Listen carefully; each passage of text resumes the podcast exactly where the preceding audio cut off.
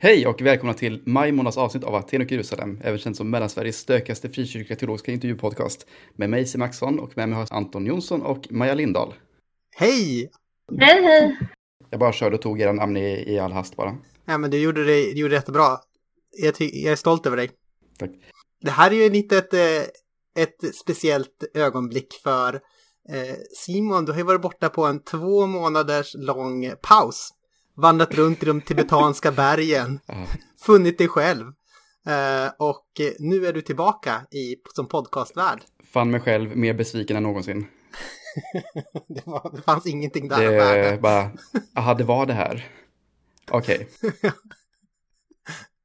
Ja, nej, Dra runt med det i 30 år till.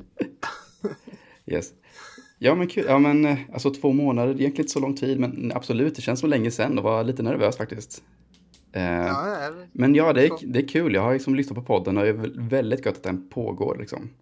Eh, Men Simon, har du gjort någonting eller vadå? Har du varit... nej, nej, alltså, alltså jag har bara varit så himla, himla, himla upptagen bara. Alltså, helt tvärt emot hur det är för de allra flesta just nu så har jag haft liksom, jag jobbar mer än någonsin och träffar mycket mer folk än någonsin. Så att jag var så här, eh, bara väldigt upptagen. Samtidigt som vi som tidigare hade flaggat för att, ja men vore det kul att inkludera fler egentligen i det här.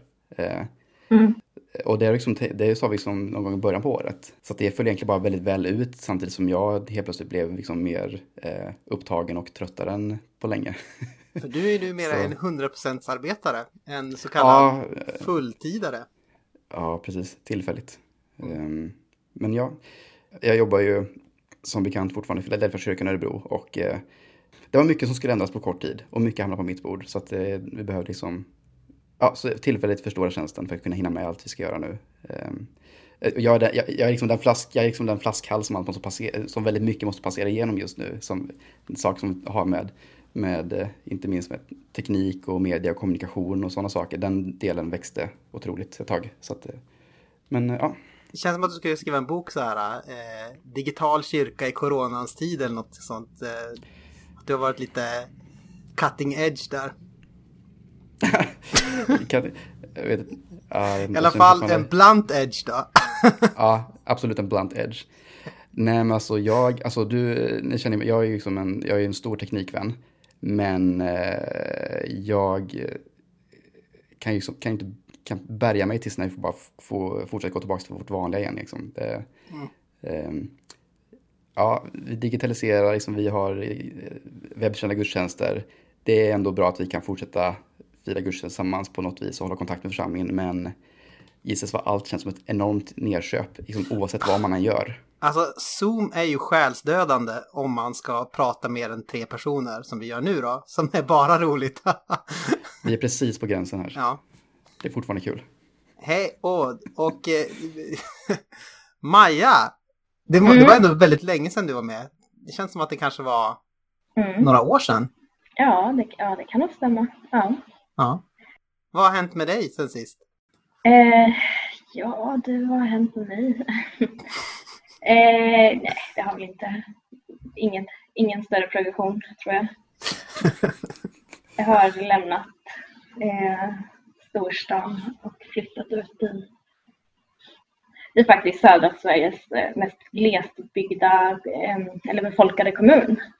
Jaha. Underbart. Eh, ja, det är lite härligt på sitt sätt. Är det ni som har den här sloganen var tredje, var tredje invånare en häst? Nej, det tror jag, det tror jag inte. Det, för det stämmer inte. nej, jag har inte sett så många hästar. Men, eh, nej, men jag vet inte om jag liksom försöker söka mina rötter eller stabiliseras eller någonting. Men jag bor i alla fall i Ljungby numera. Ja, jag vet inte. Det, är så. Kan, Ja. kan ju, fast jag har nämnt i och för sig redan att du är gift så, men det kan vi ju ändå säga en gång till. Det är kul. ja, det är jättekul. Är det, och nu måste vi slå fast det en gång för alla. Det är Zack man säger och inte Zack. Han är ju från Delsbo då. Aha. Och, och, och där blir man spöad om man, om man kallar sig Zack. De är inte så. Ja, kanske risk för det. Allmogen där. Ja, och ska akta sig för dem. Precis. Eh, Hur ska vi gå vidare nu? Det känns som att eh, vi kan, ska vi säga vem det är som vi ska intervjua kanske? Eller vem det är som blir intervjuad av mig? kan vara hög tid. Ja. det är ju Sune Fahlgren. Det var inte, inte stora åthävor där i det. Han är ju, finns ju på Enskilda Högskolan Stockholm. Mm. Som vi egentligen tycker ska heta, fortfarande heta, hela liksom, byggnaden ska kallas Teologiska Högskolan Stockholm. Men så kan det vara. Eh, jobbar väl med typ så här kyrkovetenskapare, va? va? Lite mer det här äh, praktisk teologi-hållet. Ja, men jag och Sune är ju samma, samma fack där. Just det. Ja, fast han är väl typ milsvida framför mig. Men ja, kyrkovetenskap. Precis. Och eh, han har också varit, har, har jag kollat upp här, teologisk redaktör på Libris en gång i tiden. Mhm. Och eh, han kommer från Örnsköldsvik som vi pratar om. Jag tycker alltid att mina samtal med personer blir som bäst när den personen har någon sorts övikskoppling. För då blir jag lite mer så här, mest avslappnad, eller vad man ska säga. Det är vi exilövikare, vi kommer bra överens. Eller som jag kallar oss, Örnsköldsvikare. Eh, för vi sviker då Örnsköldsvik. Haha. Tack så mycket. Jo, men det snappade upp ganska tidigt faktiskt. Bara här, här sitter två bara möts och myser nu. Ja, eller hur? Bara man kan droppa lite gemensamma geografiska referenser så blir det liksom en stark närhet eh, direkt på något sätt. Mm. Så det kommer ni att få vara med om, eh, vill, jag, vill jag påstå. Ja. Mm. Ja. Det var ju som sagt ett tag, tag sedan sist. Har någon tänkt på något sen sist? Nej, Ja. Nå- Något kanske har passerat genom ens huvud. Nej, men jag är faktiskt lite, eh, lite smått uppretad på en sak som jag vill få tillfälle här och, och drifta mer. ska vi kunna kalla det här för ett månadens mönster? Ja, men eh, kanske. Ja, Mm. det passar bra. Mm. Ja, men jag läste någon så rubrik, en, en insändare tror jag var, som var en, något i stil med post-corona börjar nu. Mhm. Och så hörde jag också en kollega som hade varit i ett eh, möte där de hade liksom suttit på Zoom och pratat om så här, men eh, ja, efter corona, vad, hur ska vi tänka, liksom, tänka kyrka, tänka församling? Jag vet inte om ni känner igen det där. Jo, men det Men- känns bekant. Ja, men det stämmer ju inte för att post-corona är inte nu. Och, utan poäng, eller liksom tvärtom så här så tänker jag om det är något som corona skulle kunna handla om så är det ju att vi ska så här, o, lära oss overksamhet och dröja kvar. Eh, det är som att, eller upplever jag, så att Kristus bara stanna här och vaka med mig. Att eh, det här är ju en situation som vi eh, får ta emot eh, i, som en liksom lektion i att inte hasta vidare utan att ja, men just det här overksamhet och, eller så, så är det i mina sammanhang. Alla andra kanske kör på det här ställa om liksom, men jag har upplevt mycket att man måste faktiskt eh, eh lägga ner saker tillfälligt. Eh, och eh, ja, men att där i det ligger inbjudan. Just att vad är vi som församling när vi inte är effektiva eller producerar massa eller håller igång massa verksamheter. Ja, så då blir jag så här provocerad när man liksom redan nu ska så här hoppa liksom framåt i, i, eh, ja, men i, på den här vägen på något sätt. Och, men jag tror verkligen att eh, corona skulle, eller liksom kommer bli på många sätt en ommöblering i kyrkorna av Gud. Att, att Gud eh, nog tar den här möjligheten att göra någonting nytt. Eh, men om vi springer i förväg så kommer vi eventuellt gå miste om den här chansen.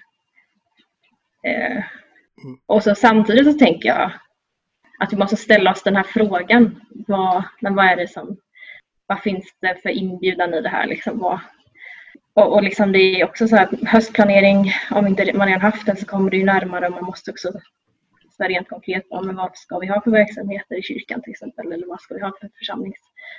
Ja, hur ska vi vara församling i höst? Och eh, så man kanske måste ändå redan så här, ställa sig de frågorna. Och, ja, men, ja, och sen så tänkte jag, ja men då kanske post-corona redan är här på ett sätt, men då är den ju i frågorna och i så här, vår längtan efter förändring. Men jag börjar se en risk i att så här, redan nu börja starta upp ett samtal. Så, jaha, vad har vi lärt oss av det här? Och, jaha, vad ska vi ja, vad ska vi göra nu? För vi är liksom inte, vi är inte igenom än. Mm. Och kan tänka mig också lite så här, ähm, ja men att det är en tillfälle att eh, tälja ner på kyrkan på något sätt. Att tälja ner till det liksom väsentliga på något sätt. Att vi får försöka upptäcka vad är det som är väsentligt. Och så. Och då, ja men det har du väl en poäng i tänker jag att om man ska direkt säga hur ska vi kunna ställa om så att vi kan fortsätta göra exakt samma sak som vanligt fast mm. lite annorlunda. Då har man kanske missat den möjligheten att tälja ner till vad det är som är väsentligt, vad det är som är våran kallelse eller så. Ja, jag tror man lägger så att, att man fäller sig själv på den vägen. Mm. Om man börjar liksom hitta svaren i förtid. Mm. Så det är jag orolig för. Att vi måste vi måste tro att tiden är vår vän på sätt och vänta in så Guds handlande i det här. Precis. Det är väl en sån här Howard Wassist också som han brukar säga ibland. We have all the time in the world. Mm. Ja, och det är väl poängen med det här att liksom ja men tiden är inte knapp utan vi har fått tillräckligt med tid. Eh, Gud har gett oss tillräckligt med tid för att göra det vi ska. På något sätt. Mm. Ja. Ja, precis. Mm. Så det var mitt väldigt så här förargade minster. Storma portarna. Ja. Ändå ganska förvånad att höra liksom, att diskussionen redan där i vissa sammanhang bara ja, ja, nu är vi post-corona, men det, för det är vi verkligen inte. Det är ju fortfarande så mycket som, ja, alltså de här restriktionerna, rekommendationerna och vi får leva med ett bra tag till, så det har varit väldigt eh, en väldigt glädjekalkyl liksom redan nu börja prata om post-corona. Och på ett sätt är det, och på ett sätt är det verkligen också post-corona för alldeles strax. Liksom, så att jag tror det här kommer liksom ändra sig ganska snabbt bara med vädret. med det fina vädret mm. som tagit sig. Att, eh, Då corona tagit slut. Ja, ja, men jag tror verkligen människan kommer, liksom, eh, eh kommer tycka det alldeles strax. Att bara, ja ja, det, det, får, det får vara värt det. Nu, nu tar vi en tur. Ja, men verkligen. Eh, nu tappade jag bort mig. Det var säkert något jätteintressant jag skulle säga, men äh, det var, eller så var det inte så intressant. Så att vi kan strunta i det. Nej, men det, det, finns ju den här podden äh, som äh, Stormens utveckling som ni har säkert lyssnat på, någon av er. Mm. Då, då liknar de det här vid en, vid en, gammal, vid en gammal visa så här. Där det är en sjuk, sjuk flicka som ligger på ett lasarett och så sen så Eh, sen får jag komma hem till mor till hösten. Bara, Nej, till våren kanske då. Och sen så våren kom och flickan fråga. Får jag komma hem till mor? Och sen så frågar de liksom så här, får jag komma hem till sommaren? Och så säger de, nej kanske till hösten. Och så går det vidare så här och sen så dör hon till slut.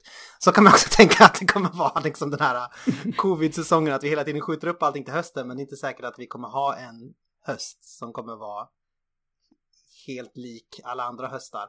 Som, ja, och det vore lite härligt på ett sätt. Ja. uh, precis. Mm. Men, precis, man har utvecklat malariamedicin. Eller man har försökt ett liksom, om jag läste det här, ta det här med en nypa salt då. Men eh, man har ju försökt utveckla, har jag läst någonstans, ett malariavaccin. Eh, eller så. Är det eh, från 60-talet och framåt tror jag, eller något sånt där. Så att mm. det kan ju ta tid, sådana här saker. Mm.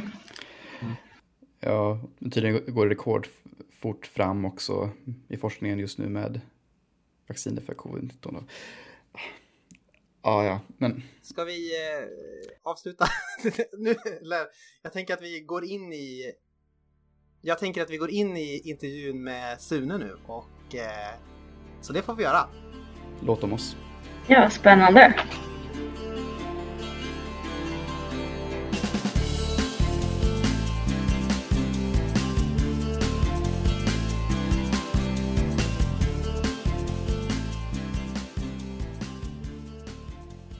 Hej och välkommen till Aten och Jerusalem.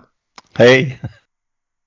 Vad roligt. Eh, Sune, om du skulle liksom introducera dig själv för våra lyssnare, hur skulle du göra det? Ja, hur gör man det? Jag vet ju inte riktigt vilka det är som lyssnar på Aten och Jerusalem. Kanske skulle jag kunna säga att jag har bott i Jerusalem i fyra år och varit eh, direktor för Bilda studiecenter där och är fortsatt engagerad i, i frågorna omkring de kristna situationen i Mellanöstern. Eh, Aten kanske kan få stå för, för någon form av bildningshistoria som, som jag är en del av. Eh, jag är en norrlänning som inte följde i, mina fäders fotspår och blev kvar på bondgården utan jag har läst mycket, studerat mycket och eh, bland annat också då doktorerat i kyrkovetenskap i Uppsala. Och numera är jag lärare på, på Enskilda högskolan i Stockholm där vi utbildar pastorer och präster och andra som vill lära sig mer om teologi. Precis, jag tror att eh, eh jag hade ju, jag kommer från Örnsköldsvik som du då. Och jag hade en lärare i gymnasiet och hon var också studierektor i, på eh, Swedish, eh, vad heter, Swedish Christian Study Center heter det kanske på... Maria Wåhlsten ja. Precis, och hon brukade säga det att, eh, att när man skulle liksom förhandla med kyrkor eller något sånt där så var eh, så var, så var hon, så tyckte hon att det var bra att hennes företrädare var ännu mer liksom så här pro-Palestina än vad hon var så att hon hade liksom någon så här, jag vet inte, något, eh, något mjukare ingångsvärde och det var då du då tror jag. Ja, ja och, och jag är ju inte, jag vill inte placera mig i det där liksom att, att jag är varken Israelvän eller pro-palestinsk utan jag är för fred och mm. rättvisa. Mm. Det är liksom, eh, jag tycker det blir så jobbigt när man ska tillhöra någon sån här svartvit värld. Liksom. Det, mm. eh, så att jag, jag står hellre upp för, människan och, och mänskliga rättigheterna än, än, att jag placerar mig i det ena eller andra facket. Mm. Det låter väl rimligt tycker jag. Tack. Ja, växer upp i, i Elimförsamlingen i Örnsköldsvik? Jag blir alltid så glad när man har så här Örnsköldsviks anknytningar över sina gäster. Elimförsamlingen i Örnsköldsvik var, var liksom min andliga miljö. Fast jag, jag bodde ju en bit utanför och, och, och där var EFS väldigt levande så att eh, jag har både vuxit upp andligt sett inom Evangeliska Fosterlandsstiftelsen och i, inom baptismen i Elim i, i eh, Örnsköldsvik. Den är ju väldigt stark, alltså EFS i, i den här delen av Norrland. Yes, yes. där, där är det bönhus överallt. Precis. Och, och, och det har format eh, oss som är från de där trakterna, den, den innerligheten och, och den, den kärleken till, till, till, både bön och till mission. Precis, och en sån här jag vet inte, det är någon sorts uh, eh, EFS har ju också någon sorts så här uh, icke-bråkighet kanske som är eh, eftersträvansvärd också som jag vet inte formar att man är lite mer diplomatiska kanske ibland tänker jag i våra, våra trakter i så här kyrkofrågor. Ja, jo, men de, de, de, har ju inte tagit strid och därför så har jag liksom båda de här barnen i mig, både EFS, liksom ekumeniska och, och varma inställning till bröderna och systrarna va? Och baptisternas lite mer obstinata och, och, och, och, och, vad ska man kalla det för, ja, lite mer revolutionsinriktade. Mm. Vi ska förändra världen. Precis. Mm. Det låter, det är, jag, har, jag har nog lite grann av båda stråken i mig också. Det är kanske någon sån liten eh, lokal. Det är vackert tycker jag och, och, och, och det, det, är fantastiskt att, att se hur ens barndomsmiljö följer en också i, i, i, de, i de vägval som livet hela tiden innebär. Och vi, vi, ska ju prata nu lite om den här eh, bråkiga delen då av våran gemensamma, gemensamma historia. Eh, du har ju skrivit den här uh, antologin eh, Vatten är tjockare än blod, en baptistisk kulturhistoria. Eh, kom ut 2015. Som du sa, den är liksom lite utsmugen. Det är inte så alla som har sett den kanske. Men vi kan väl börja med liksom undertiteln då. En baptistisk kulturhistoria. Eh, varför just kulturhistoria? Ja, eh, det har att göra med att jag precis som när vi, jag berättade om vem jag är, liksom, inte ser baptismen som ett särskilt dopsätt eller en, en viss troslära, utan baptismen är verkligen en, en, en kultur, en livsväv, ett, um, ett, ett, sammanhang som, som formar oss människor. Och, um, det, det, är ju så med kultur att det, det, är många olika saker som tillsammans har en formande kraft och för mig är baptismen primärt inte ett dopsätt mm. eller en dopålder eller mängden vatten eller någon troslära om den fria församlingen utan det, det är verkligen vännernas samfund där, där, vi formar varandra och därför så är baptismens historia i Sverige fylld utav, utav konstarter och, och, och olika sätt att att, att leva tillsammans. Och därför handlar ju min, min bok om allt ifrån sång och musik till hur arkitektur ser ut och hur, hur, hur, vi ordnar våra församlingsmöten och allt det där som är kulturskapande. Och baptisterna har varit väldigt kulturskapande i Sverige och det vill jag liksom lyfta fram i, i, en, i den här antologin. Ja men det är superbra tänker jag. Eh, det kan bli lätt liksom, eller det, det blir lätt att man behandlar det som kanske är typ centralt egentligen för folk eh, som perifert. Typ att eh, det viktigaste vi kan säga om den här församlingen är exakt hur mycket vatten de använder eller någonting sånt där. Men det kanske är liksom, det är inte det som är liksom livet för de flesta människorna kanske eh, heller. Nej, men precis så. Men, vad, vad syftar då om man tänker på, på på själva huvudrubriken, Vatten är tjockare än blod. Vad, vad är det för, eh, för titel egentligen? Ja, jag är ju eh, förlagsredaktör också och har gjort massor med böcker och jag tycker det här med titel är viktigt, liksom fånga ett mm. ärende i en titel och just när jag sammanställde den här antologin så, så gick det en tv-serie som, som hade en, en, en sån titel.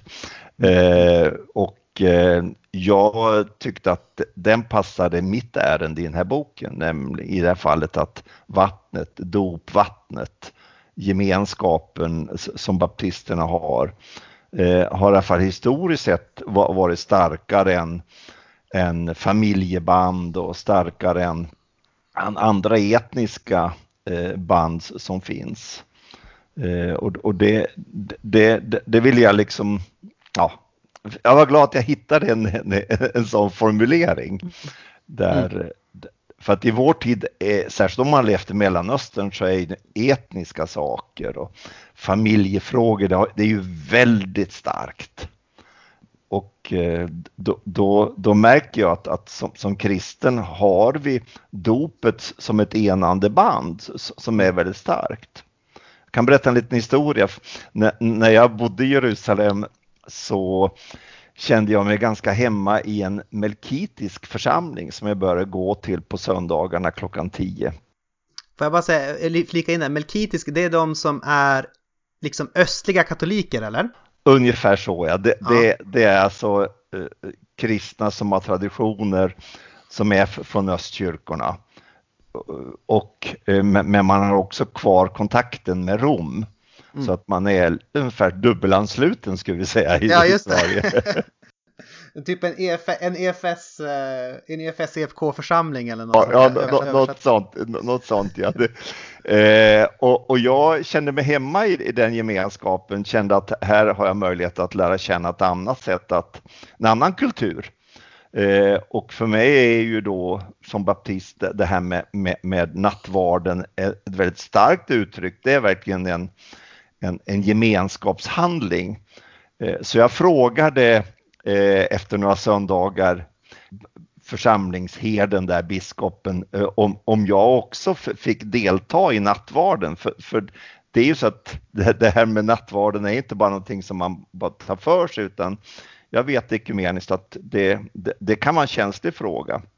Då tittade han mig i ögonen och så sa han, är du döpt i Faderns och Sonens och den heliga Andens namn? Ja, sa jag, det är jag. Välkommen, du, då, då, då, då, är du en del av Kristi kyrka. Och då kände jag liksom att mitt dop som hände när jag var tonåring gav mig liksom ett pass in i, i, en kristen gemenskap i en annan del av världen. Jag hörde samman med dem genom dopet och, och då blev liksom vatten, det blev mycket tjockare än att, att jag, jag var liksom inte arab eller palestinier eller, eller mm, ja, syrian eller så, utan jag var kristen och, och, och det limmade ihop mig. Det var liksom, det, det var tjockare än allting, allting annat. Det är väldigt eh, en fin berättelse. Och, och, och där tänker jag, det, det är också så väldigt, eh, om man tänker historiskt sett så har det varit väldigt lätt att blanda ihop vatten och blod. Om man då tänker liksom eh, statskyrkan i Sverige när baptismen bröt fram, att då tenderar det att vara liksom vatten och blod är nästan samma sak liksom. Om du är född här så är du döpt här och sådär. Så att det... det här är ju en jätteviktig aspekt av hela min bok, alltså att, mm. att eh, visa att, att det finns någonting som gör att vi inte kan heta Evangeliska Fosterlandsstiftelsen. Mm. Alltså det, det, därför att då begränsar vi det till, en nation och en viss sorts kultur. Men baptismen är från början inte liksom en, en nationsföreteelse. Eh, och, och, när baptismen kom till Sverige så, så, bröt ju den just med det här enhetssamhället eh, och, och, med det här svenskheten mm. och visade att, att det finns någonting annat som, som förenar människor än, än just etnisk eller nationell tillhörighet. Och det är dopet. Det är enhetstecknet. Och det är därför det är så viktigt. Om vi, om vi kommer tillbaka till dopet lite grann. Men, men en, en, sak som jag tänker är också intressant nu när vi pratar liksom om kulturhistoria och så. Det finns ju två saker som jag tänker det finns en rätt ambivalent hållning till inom, eh, inom många frikyrkor, eh, baptistiska och andra. Och det ena är ju liksom det här med föreningsdemokrati och det andra är det här med kyrkobyggnad. Eh, alltså, det kan finnas en så här inställning att ja, men, Fre, alltså det här med, fre, med, med församlingsmöte, det är någonting som vi håller på bara för att vi måste, för att vi är låsta av staten till någon sorts eh, föreningsform. Och kyrkobyggnader kan man också tänka, men det är liksom, det är ganska sekundärt, det är inte så så viktigt men samtidigt så vill man ha det lite grann, någonting som är lite fint men man, eh, man vet inte riktigt varför. men du, jag tänker att du, du har ett intressant kapitel i din bok som handlar om hur liksom teologi är indesignad i de här många av de här tidiga baptistkapellen. Hur man väljer att utforma sina lokaler. Och jag undrar liksom, hur skulle du beskriva det här audiellt, att eh, vad, vad, vilken teologi som de här byggnaderna vittnar om? Ja, eh, menar, ett, ett nyckelord i, inom baptismen är gemenskap. Alltså en gemenskap som utgår ifrån vad Gud har gjort med oss, med dopet och så, inte utifrån etniska band och allt det här. Va? Eh, och, och därför blev det viktigt att också forma gudstjänstrummen som, vad ska man säga, som tecken på, på den här gemenskapen.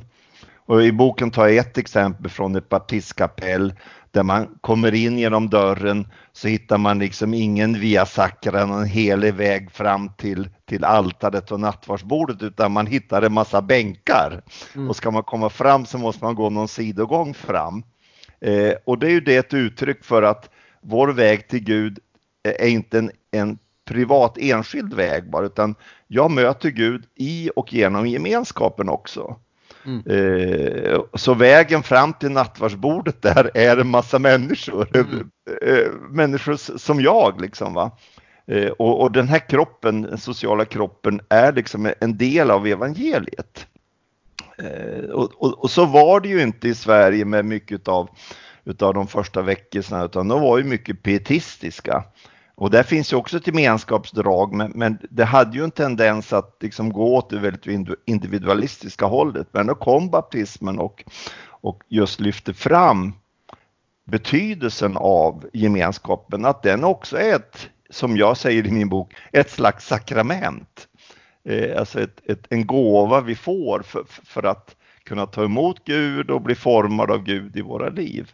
Eh, och det här baptistkapellet som jag nämner om i boken, den har också då andra uttryck för, för det här att gemenskapen står i centrum. Så att nattvardsbordet står stå längst fram då och, och, bakom det finns en, ett podium med, med en talarstol. Så ordet och bordet ser man liksom i, i samma bild. Och samma bord som man använder för, för, för nattvardsgåvorna och firandet, det, det, det, använder man sen också för kyrkkaffet efteråt. För, för man hade mm. inte råd att ha en sal till utan det bordet, ja det dukar man upp bullarna och kaffet och, och hade liksom en, en, en, den sortens gemenskap också. Då skilde man liksom inte det ena från det andra utan det hänger ihop på något sätt. De heliga gåvorna är, gör, gör att vi kan se allt vårt liv tillsammans som heliga gåvor. Vår gemenskap och maten vi delar och, eh, och därför var det också självklart i, i, en, i en baptistisk nattvard att man också tog upp en särskild kollekt till socialt arbete. Eh, därför att eh, man kan inte bara göra det till en from sak det här med gemenskap utan det måste tas uttryck i handling också. Eh, så det här är ju då ett exempel på hur, hur materialiteten i, i, i det här baptistiska gudstjänstrummet gav uttryck för en syn på vad det är att vara församling, vad det är att vara kristen i gemenskap med andra.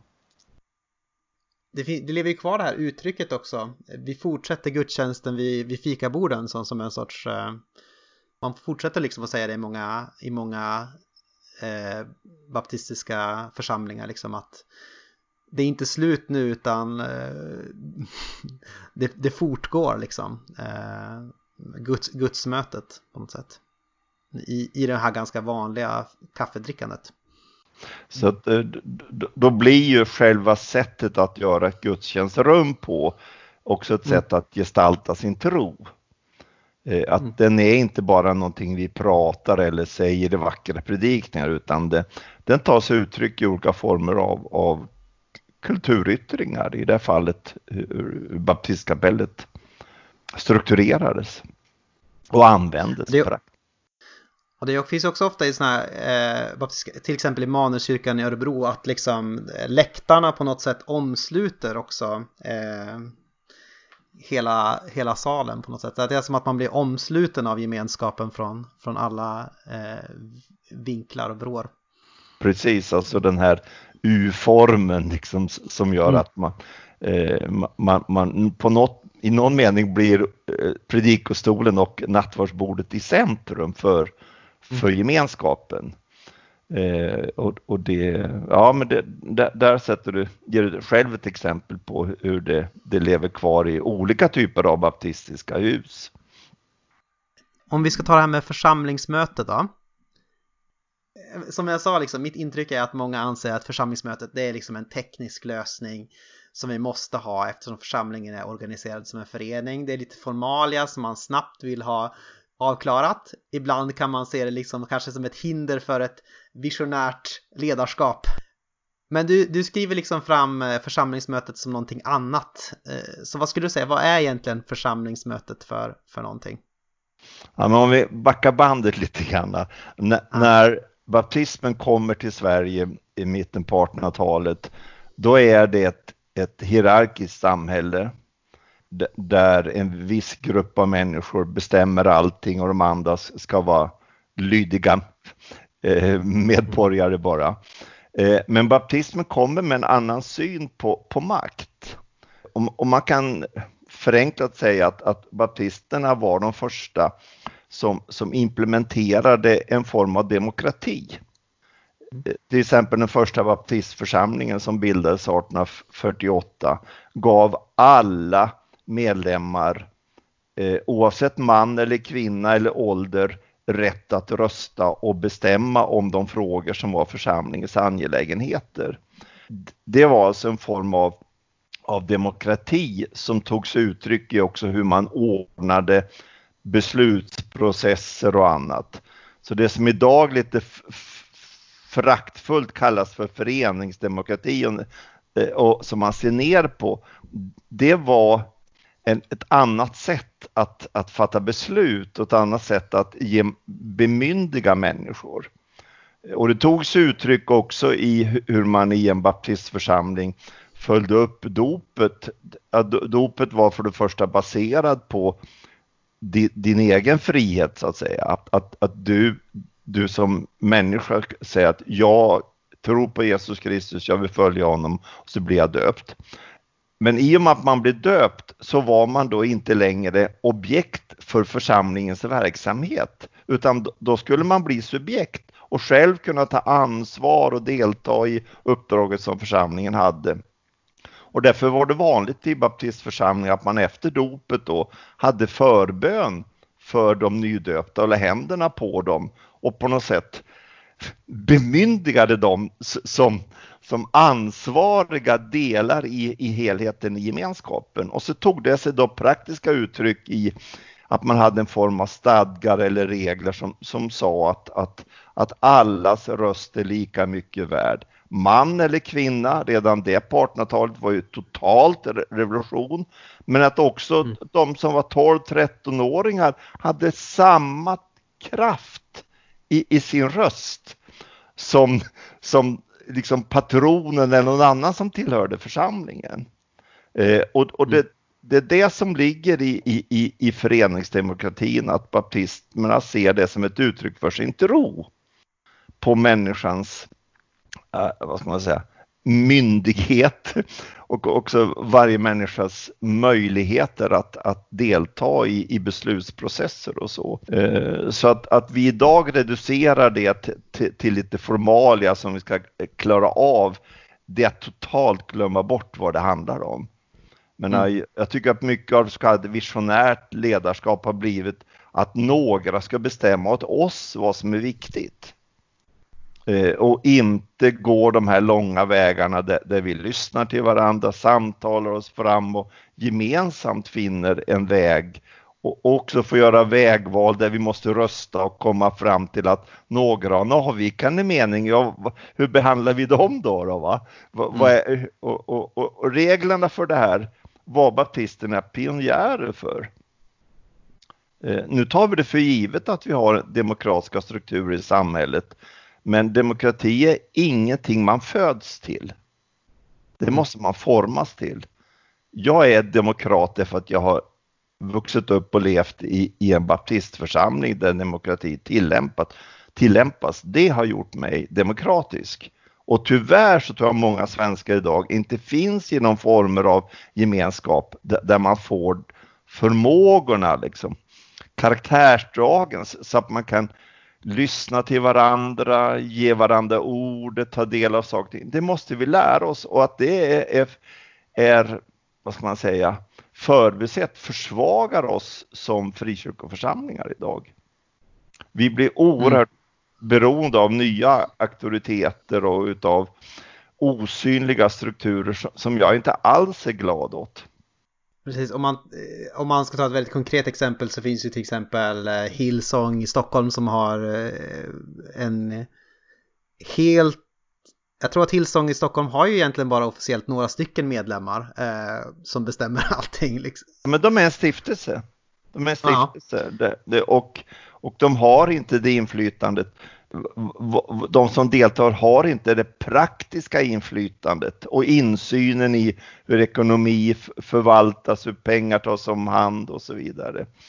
Det kan tyckas att, att, att vi gör det lite krångligt ibland, ibland, men det är så viktiga saker det här i, i en ny tid att vi inte fuskar med, med de här frågorna utan tar dem på allvar och ser att liksom, vi hamnar lätt i ett motsatsställning me mellan det andliga och det materiella. Men baptisterna bär med mm. sig liksom en erfarenhet att det, det är där i det konkreta som, som tron tar sig uttryck. Och därför kan vi inte dela upp världen så där i, i någonting ja, andligt som inte är, är, är konkret. Då blir det flum-flum. Mm. Väl uttryckt.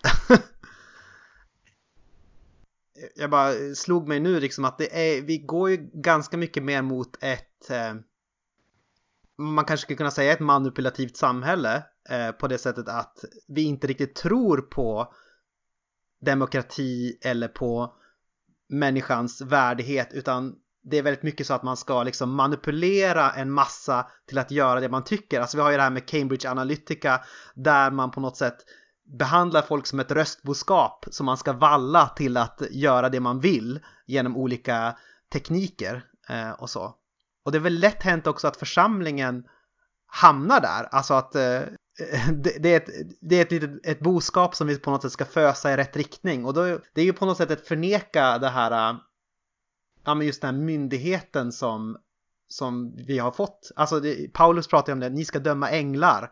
Jag har ingen aning om vad det betyder, men jag vet ju att det betyder att man har fått någon sorts myndighet liksom investerat i sig.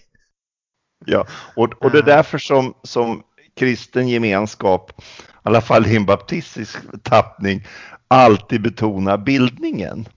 Så att man, man kan ta ansvar, så man inte bara blir en, en en person som ska ha åsikter eller tyckande utan man lär sig reflektera, man lär sig ta beslut, man lär sig lyssna till andra. Och, och man skaffar sig kunskaper om saker och ting och, och därför blev ju eh, baptismen väldigt tidigt en bildningsrörelse med, med som ja, organiserade skolor, gav ut böcker, eh, ordnade studiecirklar och allt det där som idag många nästan rycker på axlarna åt. Det behöver vi väl inte?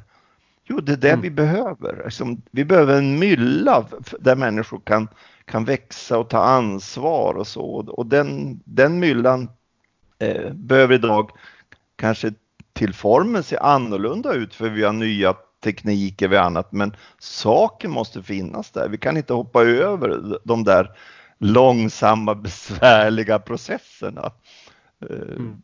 Det är precis som ett familjeliv, alltså vi, vi, vi, kan inte bara vara gullinuttiga med varandra, vi måste också ta ansvar och, och, och, och fostra varandra och, och, så, och så vidare. Om, om man tänker på din egen församlingsresa lite grann. Hur har det hjälpt dig att eh, att brottas med det här begreppet baptist, vad det egentligen betyder för någonting. Eh, vad skulle du säga om det?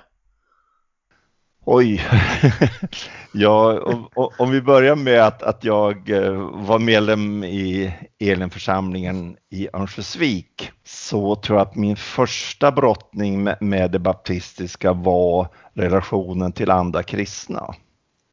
Mm. Eh, att, att hur, vad betyder ekumenik eller vad betyder kristen enhet eh, i alla de här särarterna som ändå finns eh, hos oss som kristna. Så att väldigt tidigt så, så behöll jag personligen relationer med EFSar och pingsvänner och missioner och allt, allt som fanns i Övik. Och, och jag, jag försökte hitta en väg som baptist att inte min tro ska bli exklusiv och exkludera andra utan att, att hitta dialog och meningsutbyten. Så att eh, det jag hade lärt mig som, som baptist det var ju att det finns alltid mer sanning. Mm. det, det, vi är aldrig färdiga.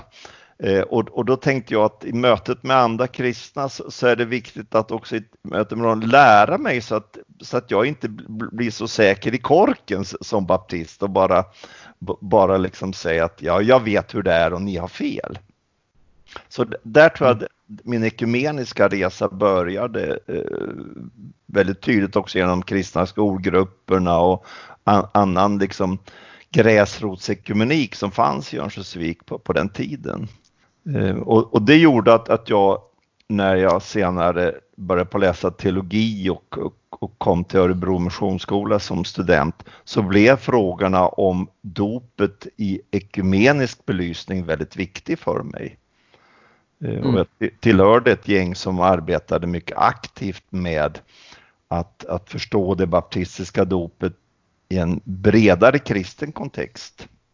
Och då upptäckte jag att baptisterna varit pionjärer där att, Paul Bisley Murray och andra var tidigt ute att både med hjälp av bibelutläggning men också med hjälp av systematisk teologi hitta öppningar så att den baptistiska synen på dopet kan vara med och ge ett bidrag in i, i, i det, det stora samtalet kyrkorna emellan.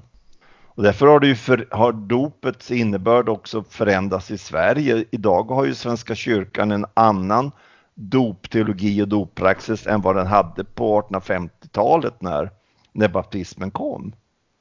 Eh, mm. Så att eh, fronten liksom för det baptistiska dopet och doppraktiken har ju förändrats och därför har det varit viktigt för mig att också eh, delta i de här ekumeniska samtalen. Så att, jag blev ju pastor sedan då 1980 i en, i en förenad frikyrkoförsamling i Åsbro där det mm. fanns olika dopsyner i en och samma församling.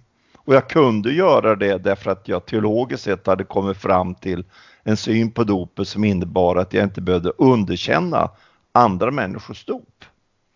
Mm. Eh, och behålla min baptistiska övertygelse utan att, att den ska ställas eh, som en, vad ska man säga, ett underkännande av, av andras dop. Utan jag eh, tillhör en grupp baptister som, som eh, har en ekumenisk dopsyn. Vad är det den här boken heter som du skrev på 80-talet var med och skrev? Är det Vattnet som skiljer och förenar? Är det den heter? Som, som skiljer och förenar, precis. Det var Lennart Törn och jag och, och, och, och Björn Cedersjö som, som eh, var med och gav ut den boken. Och det, det är ju ett arbete med bibeltexterna som är viktigt för oss i, i en frikyrkomiljö. Att, att liksom vi, vi arbetar med texterna för att förstå vad de betyder idag och finna mer sanning. Och, och för oss blev det både en upptäckt av dopets sakramentala innebörd. Baptisterna hade det ursprungligen i Sverige men, men tappade bort det genom sån här USA-påverkan. och, eh, men, men sen återupptäckte vi ju dopets sakramentala innebörd i gemenskap med andra kristna. Eh, kunde uttrycka det. Eh, men också att, att eh, vad ska man säga, formerna för, för dopet gjorde att, att, att vi, vi ändå måste se det som ett kristet dop eh, när, när, när man är döpt som barn därför att det, annars vore det att underkänna det Gud gör. Liksom. Så att den sakramentala förståelsen öppnade också upp för en, ett erkännande av, av andras dop. Det finns ju flera spår här som är spännande här tänker jag. Och om man, om man då tänker, hur tänker du att troendedöpande församlingar borde göra? Alltså, du framhåller här att alla dop borde accepteras, men borde baptister hålla fast vid sin praxis? Eller borde man ändra sig? Borde man kanske döpa spädbarn också? Eller vad tänker du? Ja, det, det är en jättefråga det där. eh, alltså för det första så, så, tror jag att, att vi, vi måste eh, inse att, att baptismens historiska betydelse är slut nu i Sverige vi, därför att förutsättningarna och, och, tiden har förändrats så oerhört mycket att, att de gamla eh, frontlinjerna och så finns inte riktigt idag. Idag egentligen alla kyrkor minoriteter i, i vårt land. Även Svenska kyrkan är på väg att bli en, en minoritetskyrka. Och, och baptismens dop och baptismens eh, lära och liv hängde väldigt mycket samman med man kom in i, i ett enhetssamhälle och hittade en väg i det. Liksom. Så att mycket av betoningar och annat hänger samman med en liten minoritet i ett enhetssamhälle. Men där är vi inte idag. I, idag så är religiös pluralism etablerad och vi är en del utav ett, en, en pluralistisk miljö också religiöst.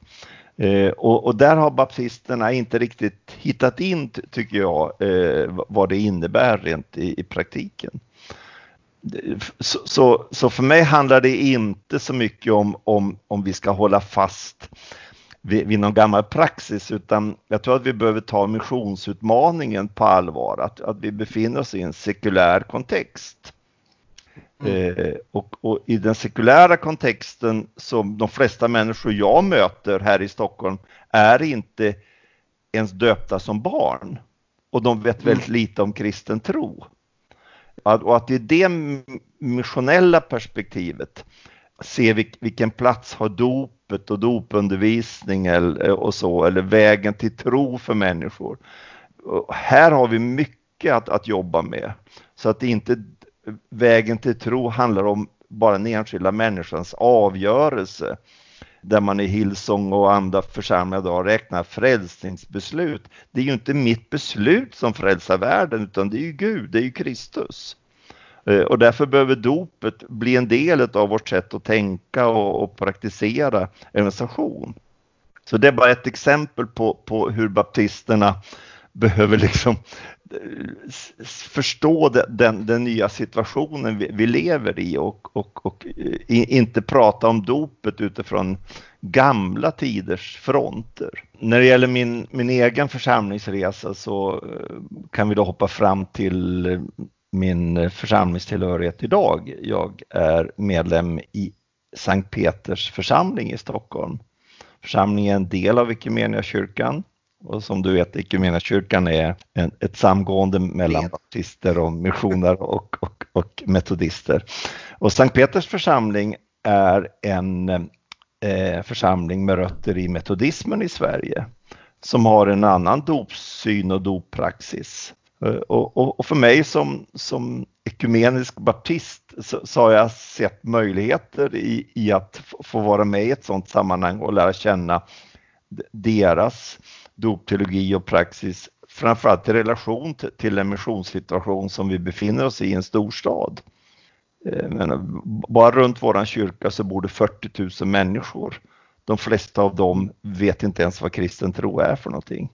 Eh, och, och, då tycker jag det är intressant att de har bevarat en syn på, på, på dop av barn som innebär att barn inte skrivs in som tillhöriga till församlingen utan just. de får ett förberedande medlemskap just för att om jag då ska som baptist säga någonting liksom att ja, även det sakramentet ska tas emot av, av eh, den som blir döpt. Eh, och därför så mm. arbetar församlingen aktivt med alla som har ett förberedande medlemskap så att de, de erbjuds undervisning och annat så att de kan bejakas sitt dop.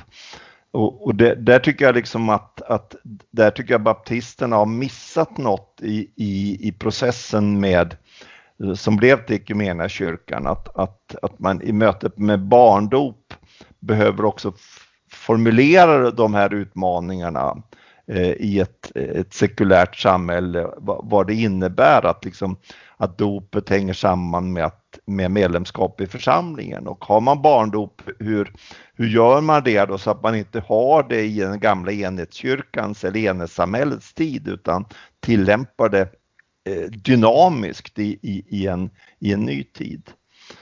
Eh, och sen uppskattar jag också i, hos metodismen att när man upptas som, som medlem så är det där medlems, medlemskapet liksom knutet till att jag faktiskt avger löften till gemenskap. Mm. Det, det, är inte som att tillhöra Konsum eller någon annan förening eller liksom association idag utan i en metodistförsamling så är det verkligen förknippat med heliga löften att, att ta del i, i, i församlingens uppdrag och de löftena förnyar vi varje år i samband med, med nyårsfirandet. Det tycker jag är väldigt bra liksom. Den, den idén gillar jag skarpt liksom att man förnyar sina löften inför varandra. Så, ja. Ja, och, och, och, och då, då, blir jag tilltalad av det här som baptist därför att menar, förbundstanken är så oerhört starkt, alltså när, när baptister mm. talar om, om tro, frihet och gemenskap som liksom nyckelord i, i vad baptism är, eh, så har man alltid gjort det under någon slags förbundstänkande. Mm. Eh, och därför kallar man för sig för Baptistförbundet och allt. Man använder ordet förbund väldigt mycket när man talar om sina relationer. Och så upp, återupptäcker jag det nu eh, genom att jag är med i en församling med metodistiska rötter och märker att här, här lever förbundstanken kvar idag och vi kan göra någonting av det som, som en församling i Equmeniakyrkan och baptismen liksom kan vara med och, och, och, i, i det här mötet och då blir mötet liksom inte en teoretiskt möte utan det möts i, i vårt gudstjänstliv och i, i vårt församlingsliv.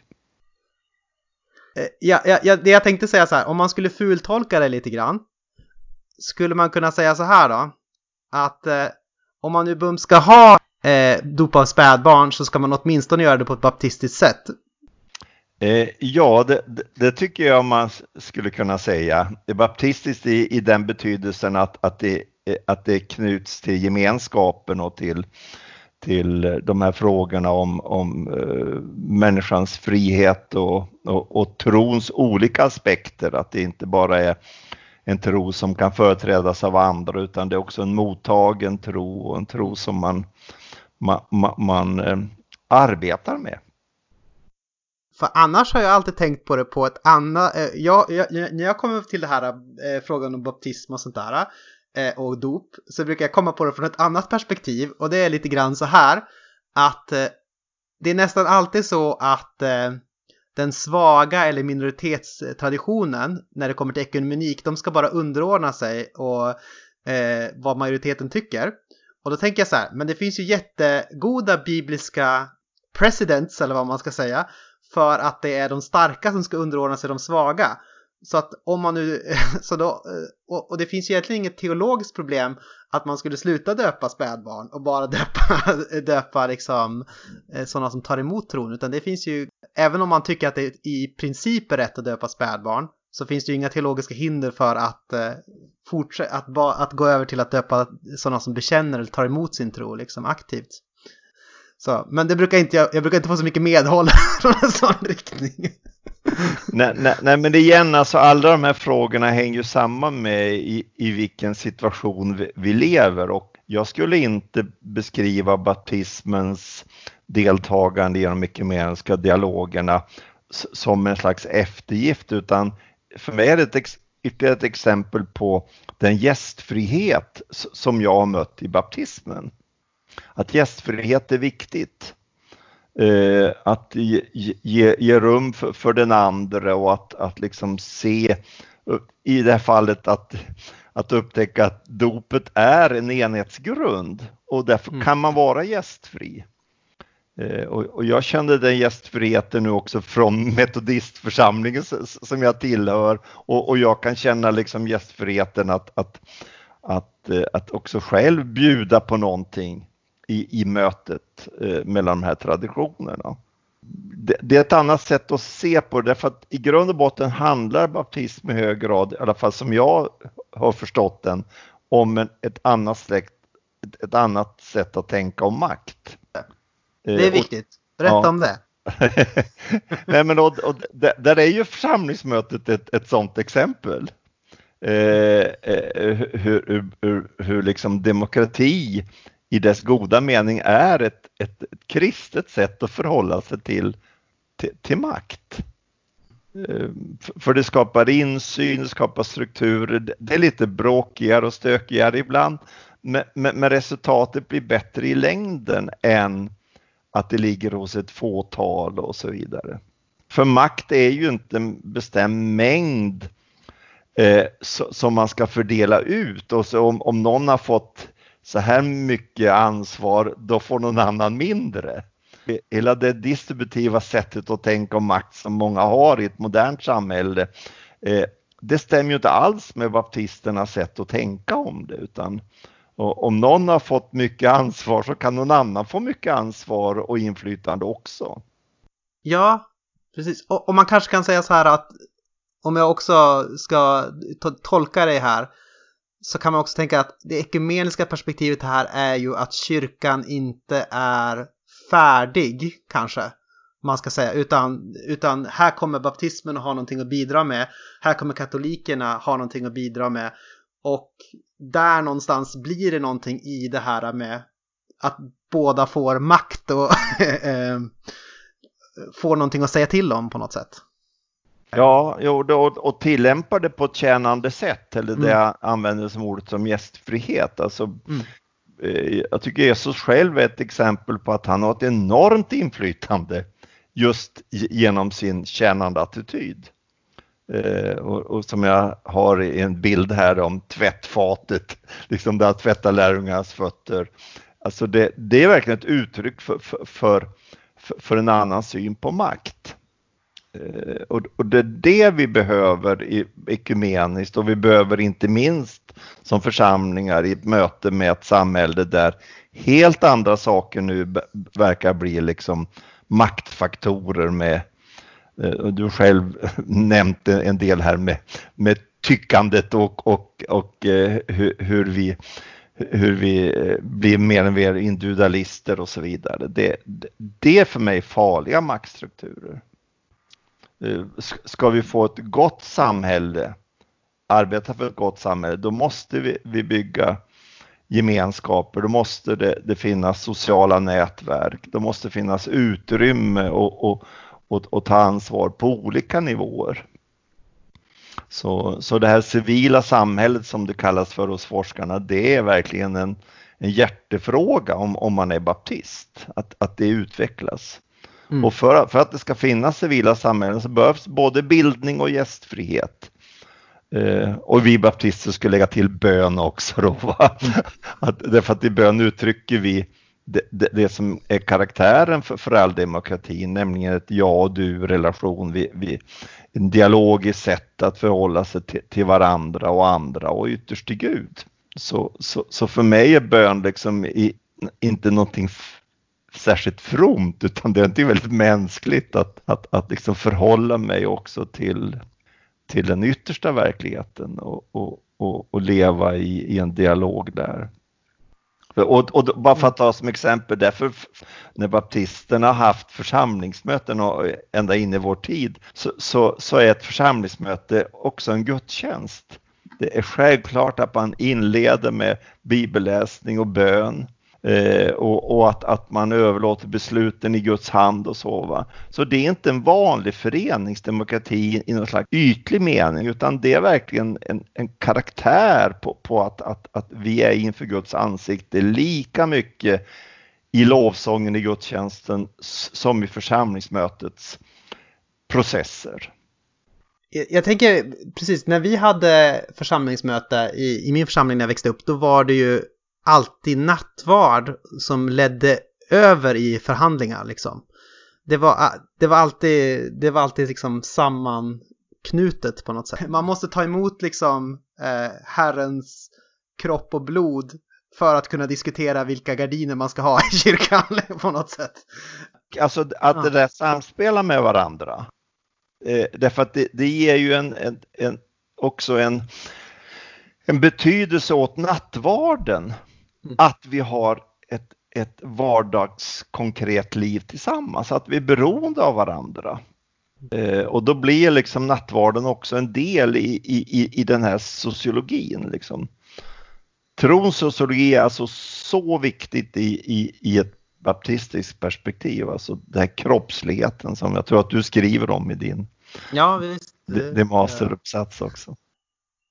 Vi, har också pratat om det här med, med sakramental syn. Alltså att det faktiskt händer någonting i dopet. Var ju någonting som man trodde på eh, i de, tidiga baptistförsamlingarna. Alltså det är inte bara en symbol som vi gör. Utan det är faktiskt någonting som händer eller Gud agerar i, i dopet. Sådär. Varför tror du att man tappade bort den eh, bilden av, av dopet utan istället mer hamnade i den här, ja men det är det är liksom en order som vi har fått som är symbolisk. Eh. Ja, historiskt sen en, handlar det ju om de ledarskapsskiften som, som skedde i mitt på 1800-talet inom baptismen i Sverige där, där, där man då som främste ledare fick en person som eh, hade fått sin, sin, utbildning i ett mer reformärt sammanhang i, i, i eh, USA. Eh, och Sverige var på 1800-talet också Svenska kyrkan väldigt starkt påverkad av reformert teologi. Eh, för, för den här, det här sättet att tänka om dopet, att, att det är bara en symbol eller det är en symbol och så.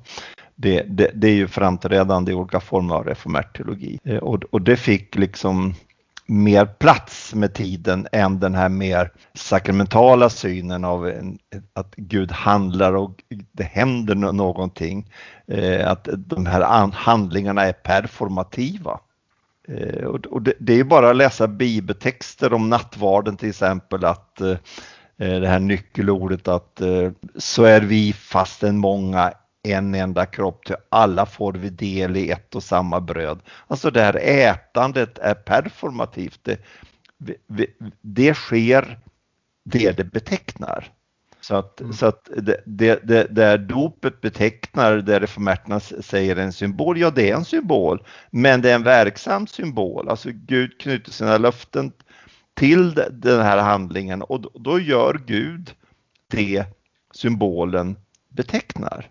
Och, och, och, därför blir det här viktigt också i vårt sätt att inbjuda människor till tro och till till, till ett kristet liv och så. Att, att det inte bara är våra beslut och så utan att vi faktiskt ser den här samverkan mellan gudomligt och mänskligt och att, att det handlar också om vilken gudsbild vi har.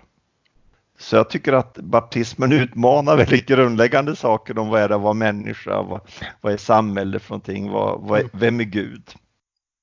Eller jag tänker så här, baptistisk teologi är ganska syner, synergistisk, alltså på det sättet att man tänker att det inte finns någon, alltid någon sorts jättestor konflikt mellan att Gud agerar och att människan agerar, utan de kan samsas liksom och det är inte ett stort problem liksom. Och därför blir det alltid konstigt på något sätt när man importerar typ en idé om att det måste vara antingen eller. Alltså antingen är det bara Gud som äh, agerar, människan betyder ingenting, eller så är det bara liksom människan som utför en symbol då till exempel.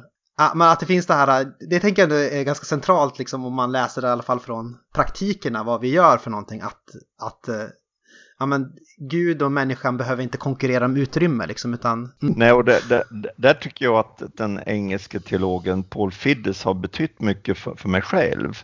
Mm. Eh, där han också då i dialog med, med, teologer från andra traditioner än det baptistiska, liksom mejsla fram en mer participatorisk sätt att tänka om, om, om Gud och människan och så, att, att vi, vi, vi, vi har del i varandras liv och del i varandras verkligheter. Det är inte så här antingen eller.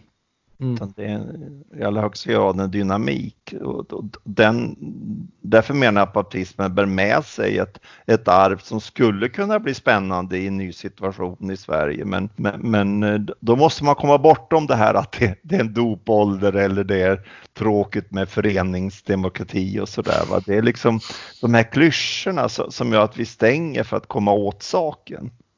Och baptismen har misslyckats på, på många områden. Jag, jag har ingen entydigt positiv bild till det, men det har inte jag om någon annan teologisk eh, eh, konstruktion heller. Alltså jag, jag, jag, tycker man ska vara ödmjuk in, mm. i, inför för, för vårt gemensamma sökande efter mer sanning. Vem är Jesus?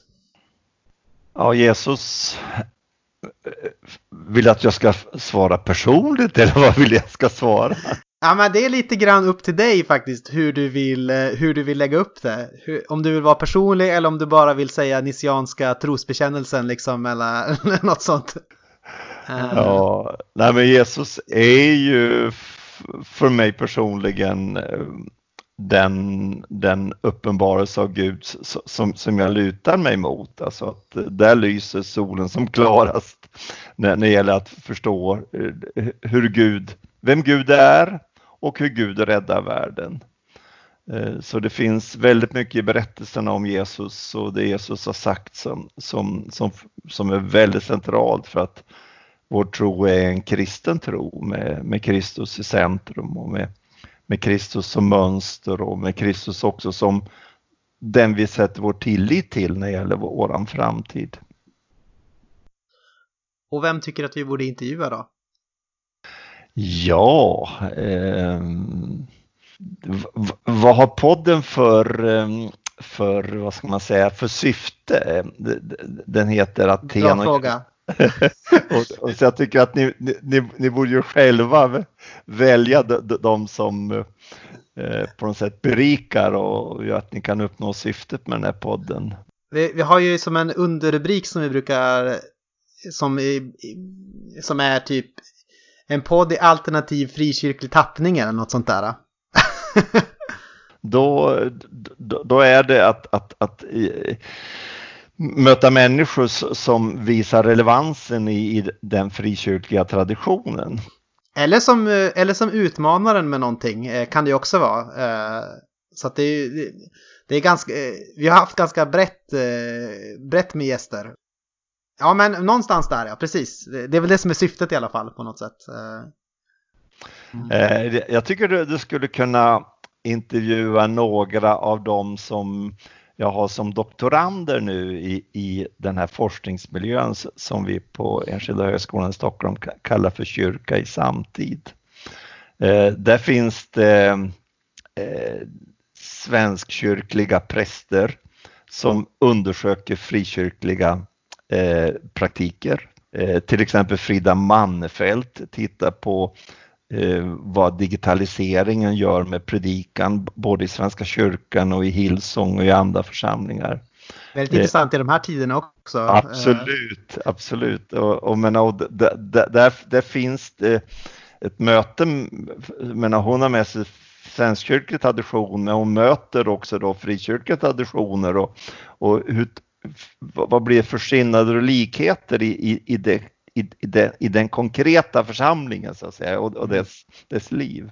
Eller Elin Lockneus som, som är präst i Svenska kyrkan uppe i, i, i, Medelpad. Som, som undersöker gudstjänstlivet i, i, i, i praktiken och där hon både har ekumeniska församlingar och svenskkyrkliga församlingar. Det, det, det kan vara ett exempel eller att du du möter någon om dopet där. Vi ska se. Ehm, ja, jag kan ge dig en lista på, på, på mina doktorander och, och, och, och, vad de har för, för ämnesområden för jag tror att det är flera av dem som verkligen skulle kunna passa in här eh, i, i poddens syfte. Det låter som en eh, bra idé. Vi tar gärna emot eh, listan med doktorander jag tror att det, det, är viktigt att inte bara ha eh, de här mest vanliga tyckarna. Va? När jag kunde ha sagt Joel Halldorf eller andra som, eh, som, som är intressanta. Men jag, jag, tror man ska leta upp de där personerna som, som tänker och reflekterar och, och så va? Och, och som kan bidra med någonting eh, utan att de behöver vara redan etablerade kändisar. Nej men precis, det tycker jag, det håller jag med om. Precis. Det, det, det som är bra är att man får dynamik från liksom från Stanley Hauerwas till en kandidatuppsats någonstans brukar, brukar jag tycka är, är någonstans. Det, det, är en bra, det är bra dynamik där någonstans emellan. Eh, får jag ställa en fråga apropå Jerusalem också nu om man ska avsluta? Eh, för sist hade vi med en person som inte trodde att det, att det är möjligt med en tvåstadslösning. Tror du att det är möjligt med en tvåstatslösning mellan eh, ja, staten Israel, staten Palestina? Eller måste man säkra någonting annat? Jag tror att, att den här konflikten har varit ouppklarad så länge och förutsättningarna på marken har förändrats så mycket så att eh, det ser ut att vara slut på, på, på tvåstatslösningen. Men vad alternativet skulle vara, det, det, det, det, det, kan jag inte säga. Det vore övermaga att, att, att, att, säga att jag har lösningen på det. Men, men, men jag vill tro att, att fredsprocesser och ärliga samtal ska kunna ge en lösning på inte bara Palestina-Israel-konflikten utan de otroligt eh, svåra konflikter som finns i Mellanöstern idag som är postkoloniala konflikter precis som vi haft i Afrika och andra håll och, eh, och där har världssamfundet ett jättestort ansvar för att, för att liksom, eh, med de redskap som finns i internationell politik, folkrätt och annat, liksom, eh, leda det här framåt. Men just nu är det, verkar det vara diktaturernas liksom, eh, tidevarv också i, i Mellanöstern, liksom, där, man inte längre ger rum för, för, demokrati och demokratisk utveckling och framförallt ger man inte rum för minoriteter. Eh, mm. Så mitt, mitt engagemang för de kristna i Mellanöstern är lika mycket ett engagemang för alla andra minoriteter som idag riskerar att utplånas och, och, och, och, och får det allt svårare eh, just därför att man bedriver en sån här som kallar det för svartvit politik och eh, inblandningen ifrån de olika stormakterna är, är, gör det ännu mer komplext. Och jag ser ju nu hur Kina också är på väg att bli en ny kolonisatör i Mellanöstern.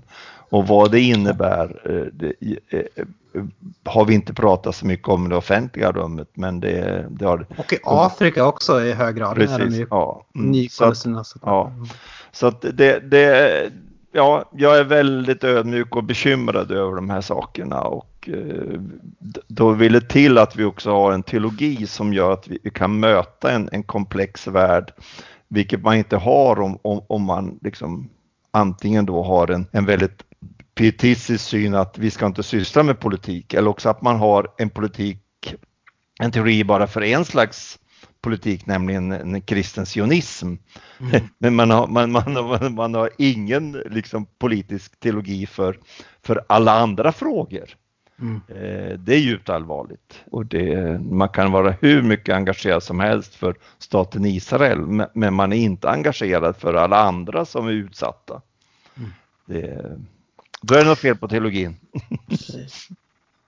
Och jag tänker det här med diktaturernas tidevarv också att eh, i coronaspåret så har vi ju mycket undantagslagar och grejer, alltså om vi tänker bara Ungern så. Eh, där, är också, där är vi samma Mellanöstern-logik på något sätt, att man eh, Precis. inte har någon respekt för minoriteter och liksom grabbar tag i så mycket makt man kan. Så där behövs det baptistisk teologi kanske. Eh, ja, och, och baptistisk teologi är också eh, tillämpad socialt i samhället. Alltså, jag tror på, på sådana gemenskaper som Europeiska unionen och FN och annat, mm. därför att vi behöver utveckla den, den sortens av övernationella mötesplatser för att kunna ta ansvar för saker och ting som vi inte kan lösa bara på ett nationalistiskt sätt att tänka. Mm. Eh, och det, det, det, är djupt bekymmersamt att, att vi liksom tappar att vi har misstro emot alla de här strukturerna som, är, som vi har skapat just för att ge möjligheter till, till, till mer fredlig utveckling. Ja, det är bra. Det är ett bra sista ord. Tack så mycket Sune för att eh, du ville vara med i podden. Tack själv för att jag fick vara med.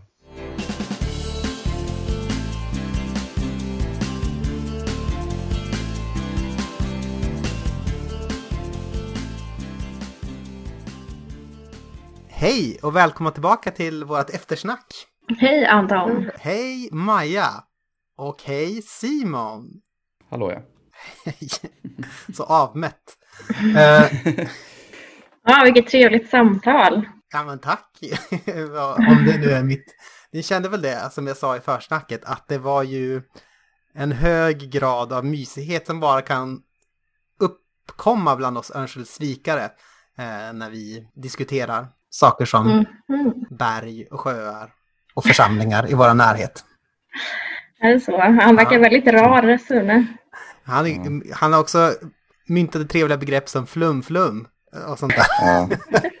liksom, den ena säger bönekapell, den andra börjar spinna. Ja. Mm. har, ni, har ni något som ni tänker på eh, utifrån det här samtalet?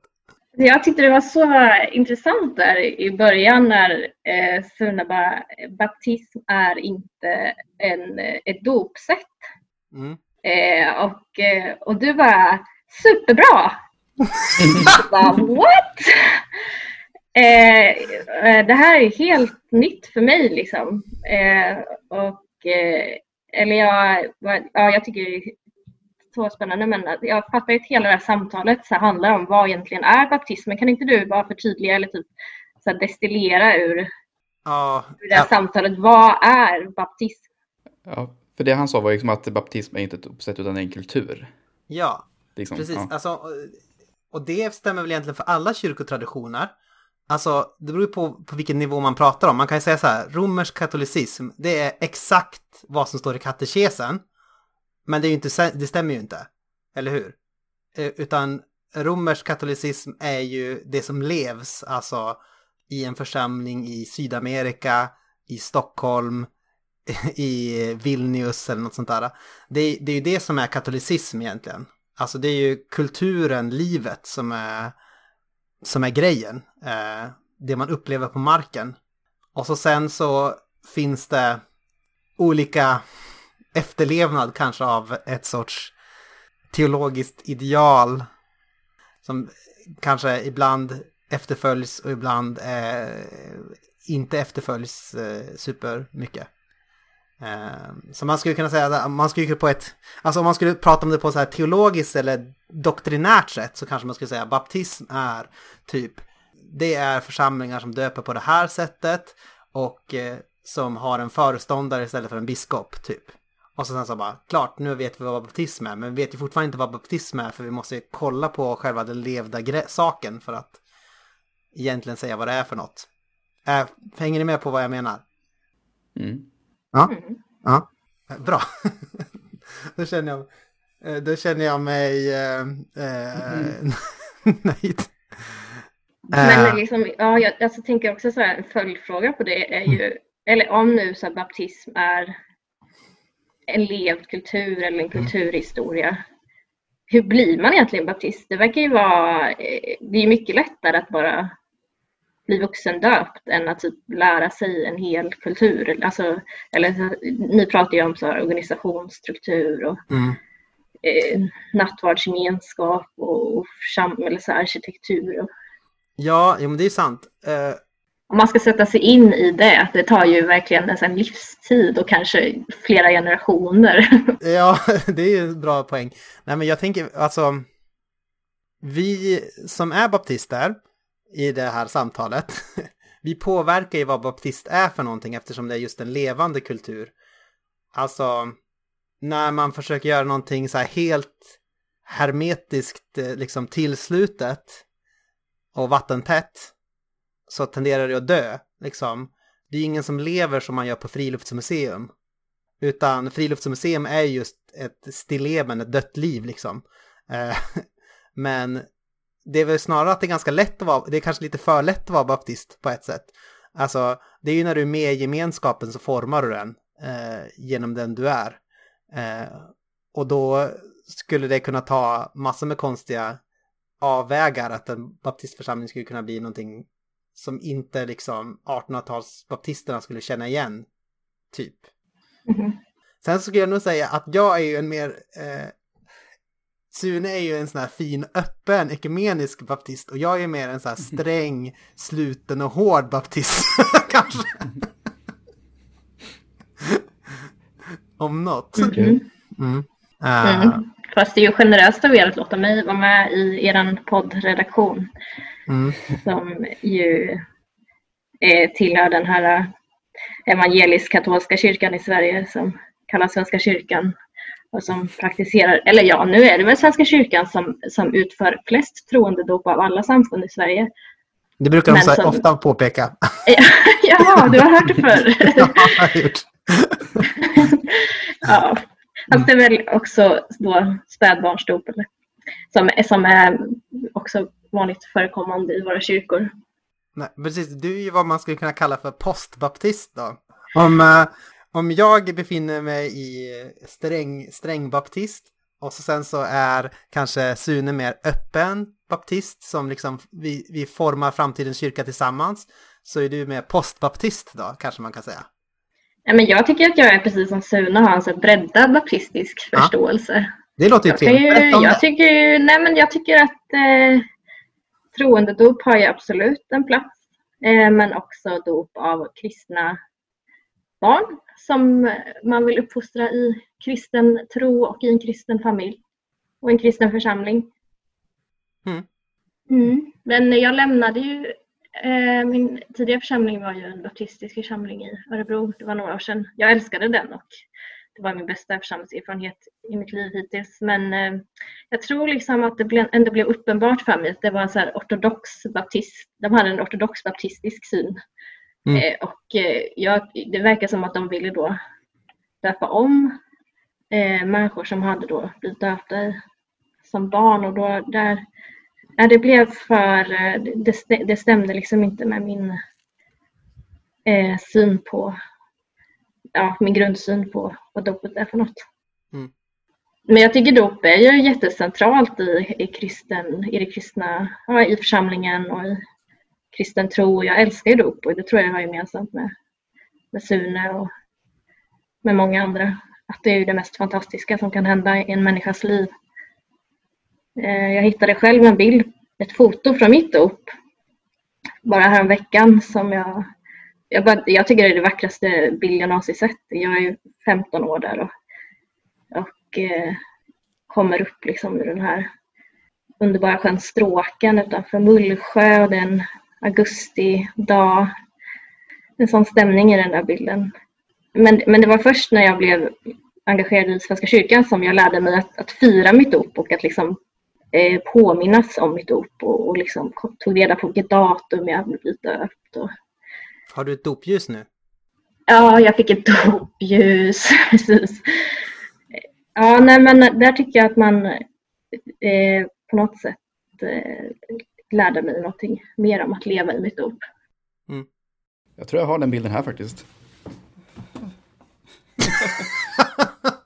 ja, precis. Det är, den, är inte, ja, den är inte helt olik. Jag kan, jag kan skicka den sen. Jag kanske kan visa den. den För er som inte har, liksom, kan visuellt se det här så håller Simon alltså upp bilden.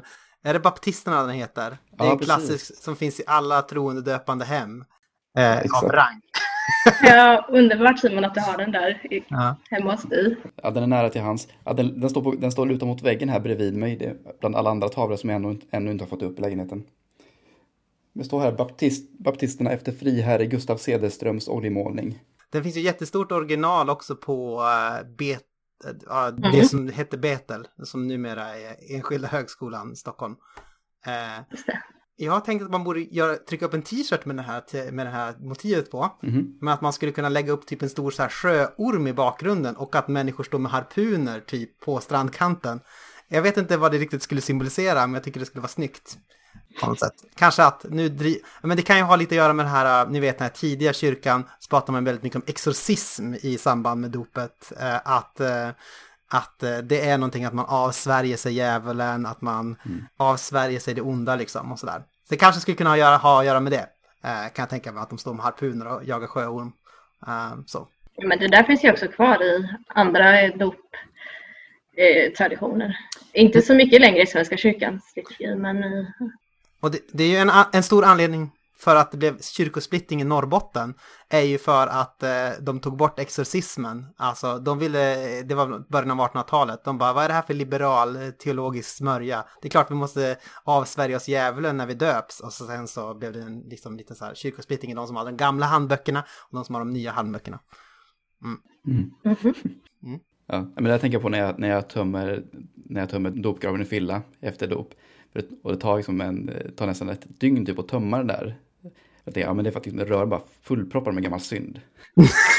oh, wow! Ja. Men vad gör det med vattnet? Vad gör det med vattnet? Ja, det är ju helgat. men är det då att du, är, skulle man säga, eh, eh, rinner det ut i avloppet och helgar liksom stadens eh, eh avloppssystem? Varsågod Örebro. Ja, tack, säger Örebro. Mm. Jag vet inte. Det måste du ta reda på, vart dopvattnet tar vägen någonstans. Jag får ta och göra det. Vi ska faktiskt eh, fylla graven på söndag redan faktiskt. Så att det, mm -hmm. ha, ha anledning att, att, ta reda på det igen. Ja. Tips är ju att ni kan ha en liten så här, när ni kommer in i kyrkan kan du sätta upp som en liten skål och så kan man korsa sig med dopvattnet sen Just det. Ja, i några veckor framöver. Ja, det vore en härlig kupp att göra. Ja, eh, precis. Du skulle inte alls bli anklagad för något smygkatalyserande där Simon. Jag bara ställer upp den här bara, if you know you know. mm. Helt okommenterat. Nej, men det känns ju det känns bra.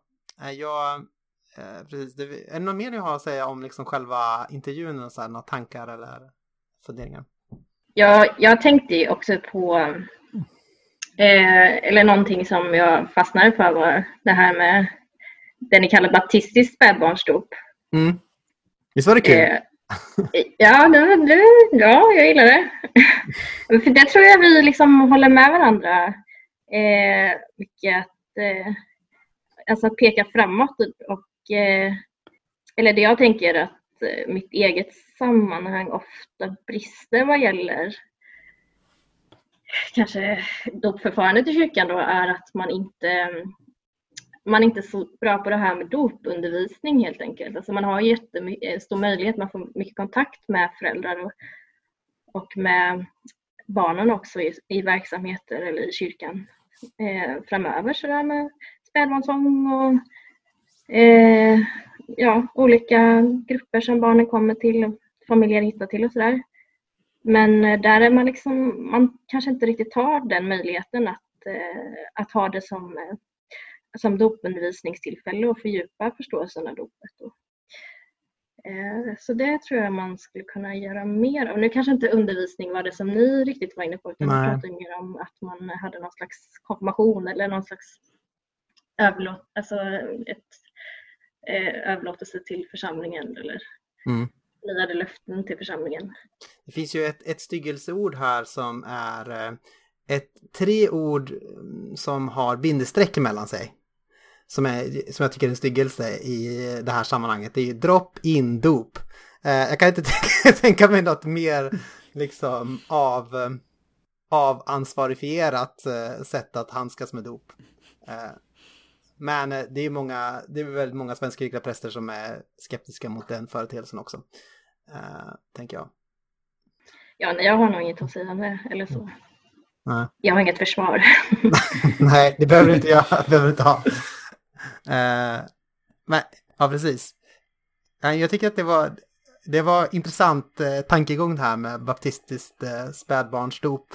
Så om, jag, om, jag, om eh, församlingar skulle röra sig mer i den riktningen så tror jag att man skulle ha, man skulle kunna komma närmare liksom att ha någon sorts förståelse eller närmare samsyn typ om dop. Eh, om vi, det var mer en rörelse ditåt. Men sen så personligen så tänker jag att en av de stora grejerna med dopet, alltså att jag just förespråkar dop av troende, eh, som har själv på något sätt eh, viftat med handen och bekräftat är ju att jag tänker att eh, bibliskt så är det så klurigt att särskilja typ dop av hushåll. Alltså om man tänker så här, eh, stora, den bibliska anledningen är ju, är ju om man, det finns några tillfällen det står hela hushållet döps efter att en person har kommit till tro, kan man få intrycket av.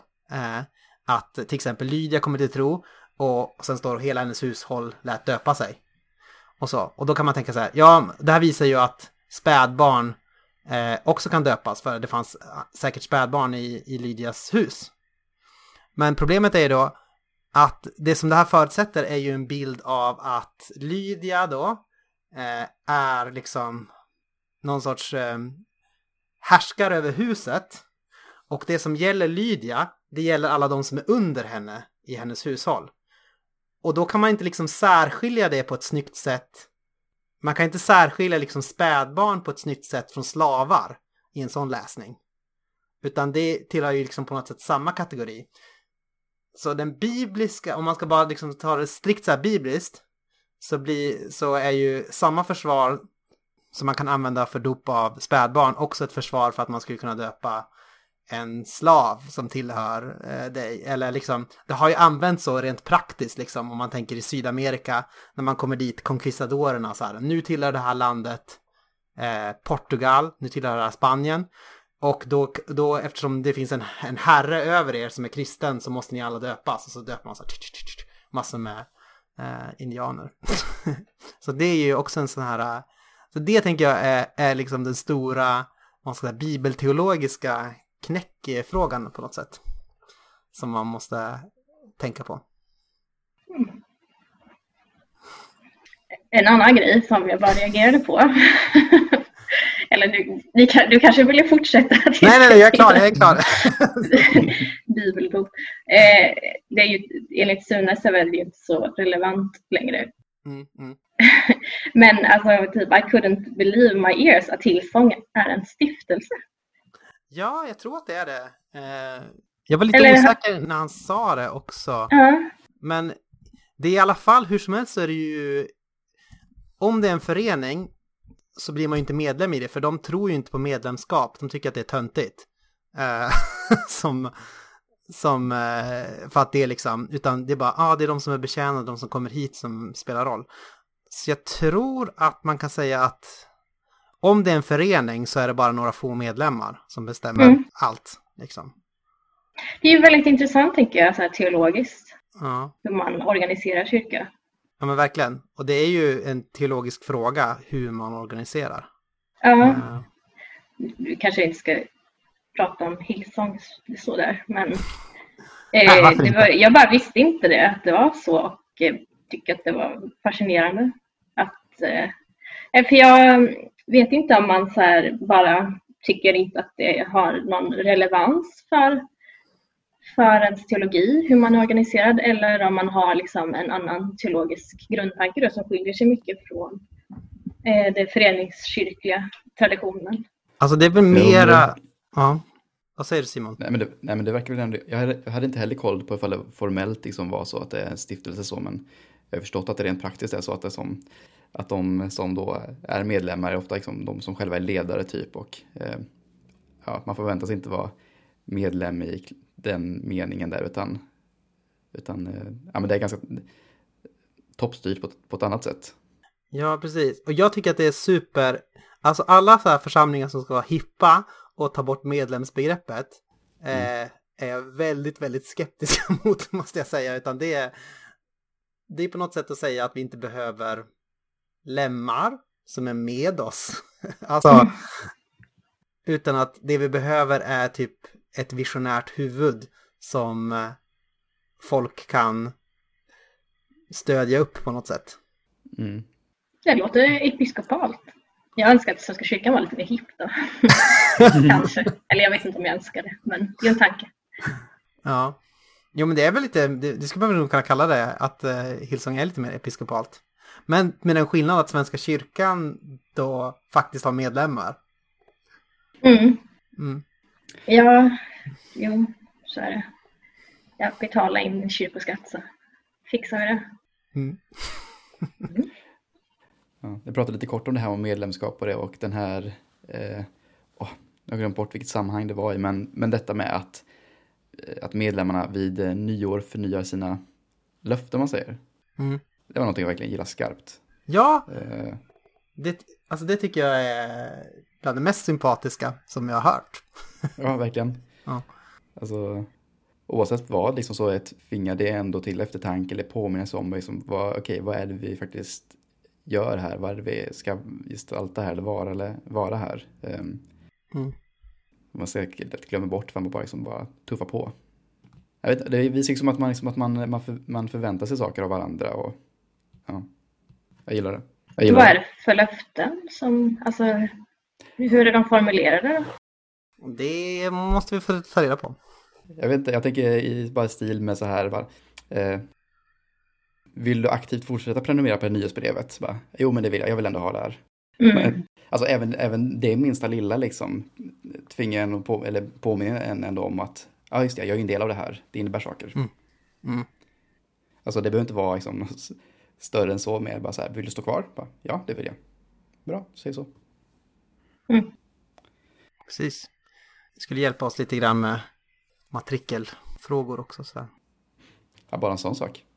Mm. Den stora matrikelbomben som vi skjuter framför oss. mm. Ja, men ska vi lämna det så?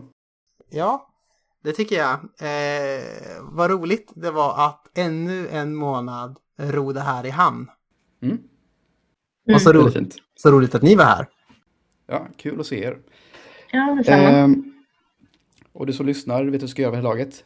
Prenumerera, gilla, dela, kommentera, hör av dig, eh, hejarop, tips, skjut ner oss, vad du vill. Jag har en, en liten sak att säga här, eh, om jag får. Mm. Ah, jag funderar på om jag ska starta en bokcirkel i sommar. mhm, En Aten och Jerusalem bokcirkel. Kul. Så den får man jättegärna vara med om. Information kommer på Facebook-sidan, tror jag. Och vi kan väl säga att det kommer röra sig lite grann om eh, den här boken Det upp och nervända riket, tror jag att det kommer, vi kommer röra oss av Donald B. Craybill. Så om ni är sugna på det, så välkomna med i bokklubben. Jo, jag älskar bokcirklar, bokcirklar, särskilt i teorin. Ja, det är väl det som det är väl mest där man tycker om dem. Ja, men underbart. Eh, tack för den här gången. Fridens. Liljor. Kristi frid.